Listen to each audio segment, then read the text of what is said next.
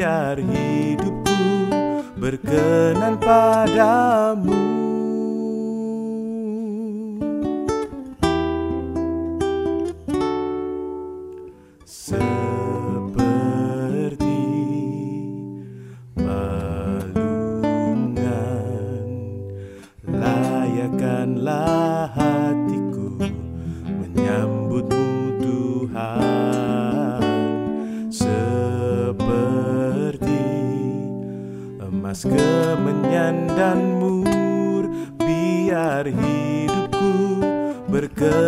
padamu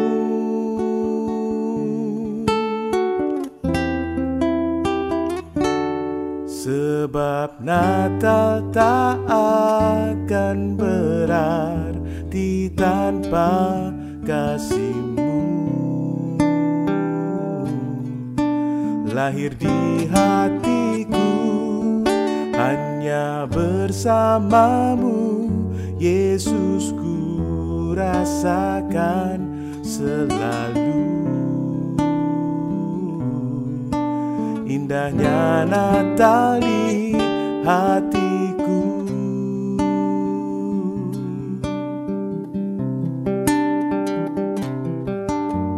Seperti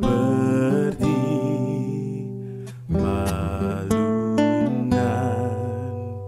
Layakkanlah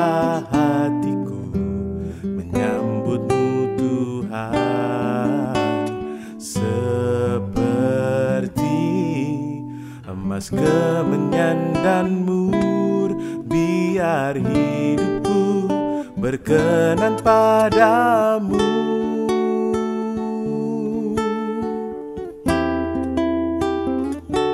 Sebab Natal tak akan berarti tanpa kasihmu. Kasihmu. Lahir di hatiku hanya bersamamu Yesus ku rasakan selalu Selalu. Indahnya Natal di hatiku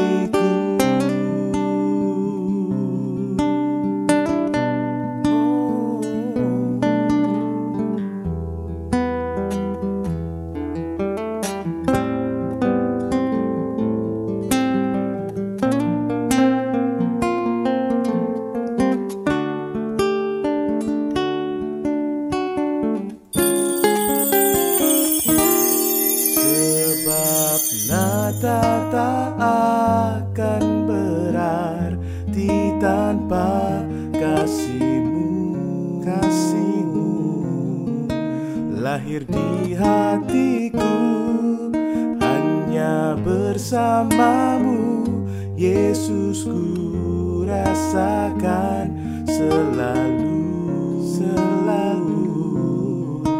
Indahnya Natal di hatiku Indahnya Natal di hatiku Indahnya Natal di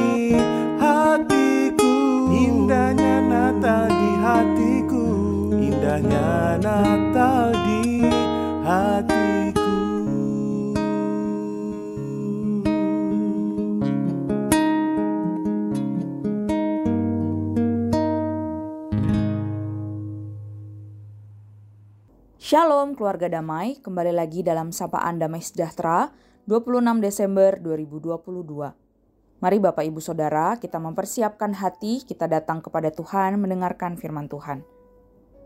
Mari kita berdoa. Tuhan Yesus terima kasih karena Tuhan begitu baik dalam kehidupan kami.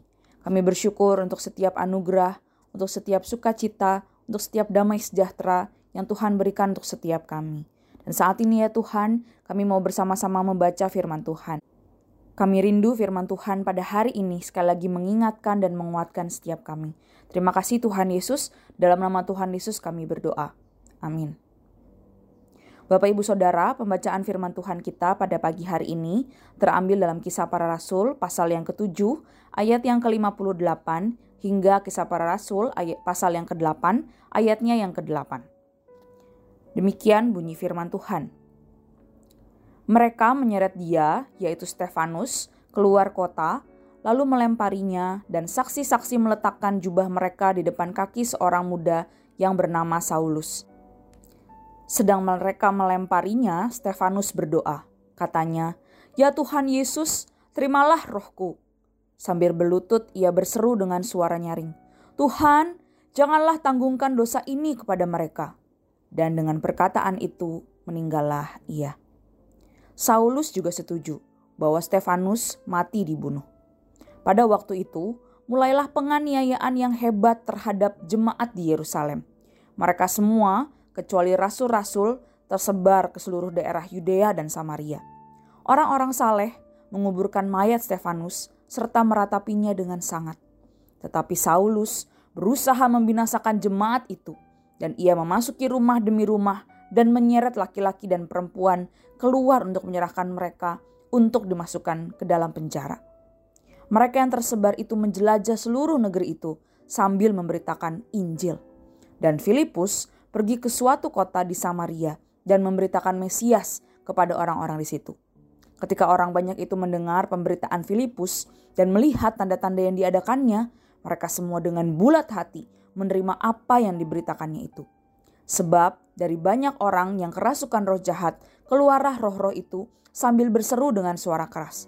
Dan banyak juga orang lumpuh dan orang timpang yang disembuhkan. Maka sangatlah besar sukacita dalam kota itu. Sedemikian jauh pembacaan firman Tuhan kita pada hari ini. Bapak Ibu Saudara, tema perenungan kita pada hari ini adalah martir bagi Injil. Bapak Ibu Saudara bagian firman Tuhan yang baru saja kita baca ini merupakan salah satu kisah yang paling mengharukan. Ada beberapa hal yang membuat kisah ini begitu menyayat hati. Pertama, pembunuhan ini dilakukan atas nama Tuhan. Mereka beranggapan bahwa Stefanus menghujat Allah, maka selayaknya ia dihukum rajam. Kedua, pada saat meregang nyawa, Stefanus masih sempat berdoa agar Tuhan tidak menanggungkan dosa ini atas para pembunuhnya. Keduanya mengakui berbuat atas nama Tuhan, tetapi berbeda motivasi. Orang Yahudi mengkambing hitamkan Tuhan untuk melampiaskan kebencian mereka dan melahirkan pembunuhan. Sedangkan Stefanus mengalami ini karena keyakinannya akan kebenaran sejati, yaitu Yesus Kristus, melahirkan pengampunan. Seakan belum cukup umat Tuhan menyalibkan Yesus Kini mereka menambah dosa dengan membunuh seorang murid Tuhan. Kisah martir perdana ini menunjukkan satu hal penting. Manusia berdosa tidak berdaya memerdekakan diri mereka sendiri. Hanya anugerah Allah yang bisa melepaskan mereka dari belenggu dosa. Di mata Allah dan juga di gereja Tuhan, kematian Stefanus bukan merupakan kekalahan melainkan sebuah kemenangan. Itu sebabnya Stefanus mendapatkan peneguhan bahwa saat-saat genting musuh hendak menerkam, ia melihat kemuliaan Allah dan Yesus yang berdiri di samping kanan Allah. Ungkapan Yesus berdiri bisa dipahami sebagai suatu penghargaan kepada Stefanus yang rela mati menyatakan kebenaran Allah. Menghadapi kematiannya, Stefanus menunjukkan kebesaran hati seperti yang diperlihatkan oleh Tuhannya, yaitu mengampuni musuh. Lalu, apa dampak martir kemenangan Stefanus? Pertama, Injil tersebar keluar Yerusalem lewat penganiayaan begitu dahsyat yang dimulai dari penganiayaan Stefanus dan juga para murid dipaksa keluar dari kota. Mereka dianiaya dan bahkan kalau kita lihat bagaimana pengabaran Injil justru dikabarkan, dilakukan di luar Yerusalem. Ketika Filipus mengabarkan Injil ke Samaria, lalu kemudian muncullah Saulus yang akhirnya kelak berganti nama menjadi Paulus. Kelak dia akan menjadi rasul Allah yang dikhususkan bagi bangsa-bangsa non-Yahudi. Memang Saulus saat itu adalah penganiaya umat Tuhan. Namun justru lewat peristiwa perjumpaan dengan Tuhan, ia menyadari kekeliruannya dan dapat melihat serta menyadari betapa jahatnya ia. Pertobatan Saulus merupakan anugerah Allah yang berdampak dahsyat bagi perkembangan gereja dan Injil Kristus di kemudian hari. Stefanus dan Paulus sama-sama hidup bagi Allah dan mati martir bagi Injil. Ketika mereka hidup, Injil Kristus diberitakan. Tetapi bahkan ketika mereka mati pun, Injil Yesus Kristus semakin tersebar dan semakin banyak orang yang percaya kepada Tuhan. Kacamata pengikut Kristuslah yang mampu membuat mereka hidup dan mati seperti demikian. Mereka tidak menjadi pengikut Kristus yang hanya mencari keuntungan bagi diri mereka sendiri. Di dalam kehidupan yang penuh dengan suka dan duka, kehidupan Injil Kristus terus dinyatakan. Hidup dan matinya memberitakan Injil. Bapak ibu saudara tiap penderitaan yang Tuhan izinkan terjadi pada umatnya sebagai bagian dari pikul salib selalu mendatangkan kemajuan bagi kerajaan Allah. Injil bertambah masyur dan hamba-hamba Tuhan sejati dibangkitkan untuk menjadi agen-agen Injil Allah. Mungkin Bapak Ibu Saudara adalah salah satunya. Mari Bapak Ibu Saudara, di momen Natal yang baru saja kita lewati, kita kembali diingatkan bahwa kelahiran Yesus Kristus adalah untuk mati, menyelamatkan engkau dan saya. Kematian Yesus di atas kayu salib memberikan kita kehidupan. Kehidupan Yesus Kristus memberikan kita harapan akan hidup yang kekal. Mari kita hidup bagi Allah agar berita Injil disampaikan melalui kehidupan kita. Kiranya Tuhan Yesus dipermuliakan. Mari kita berdoa.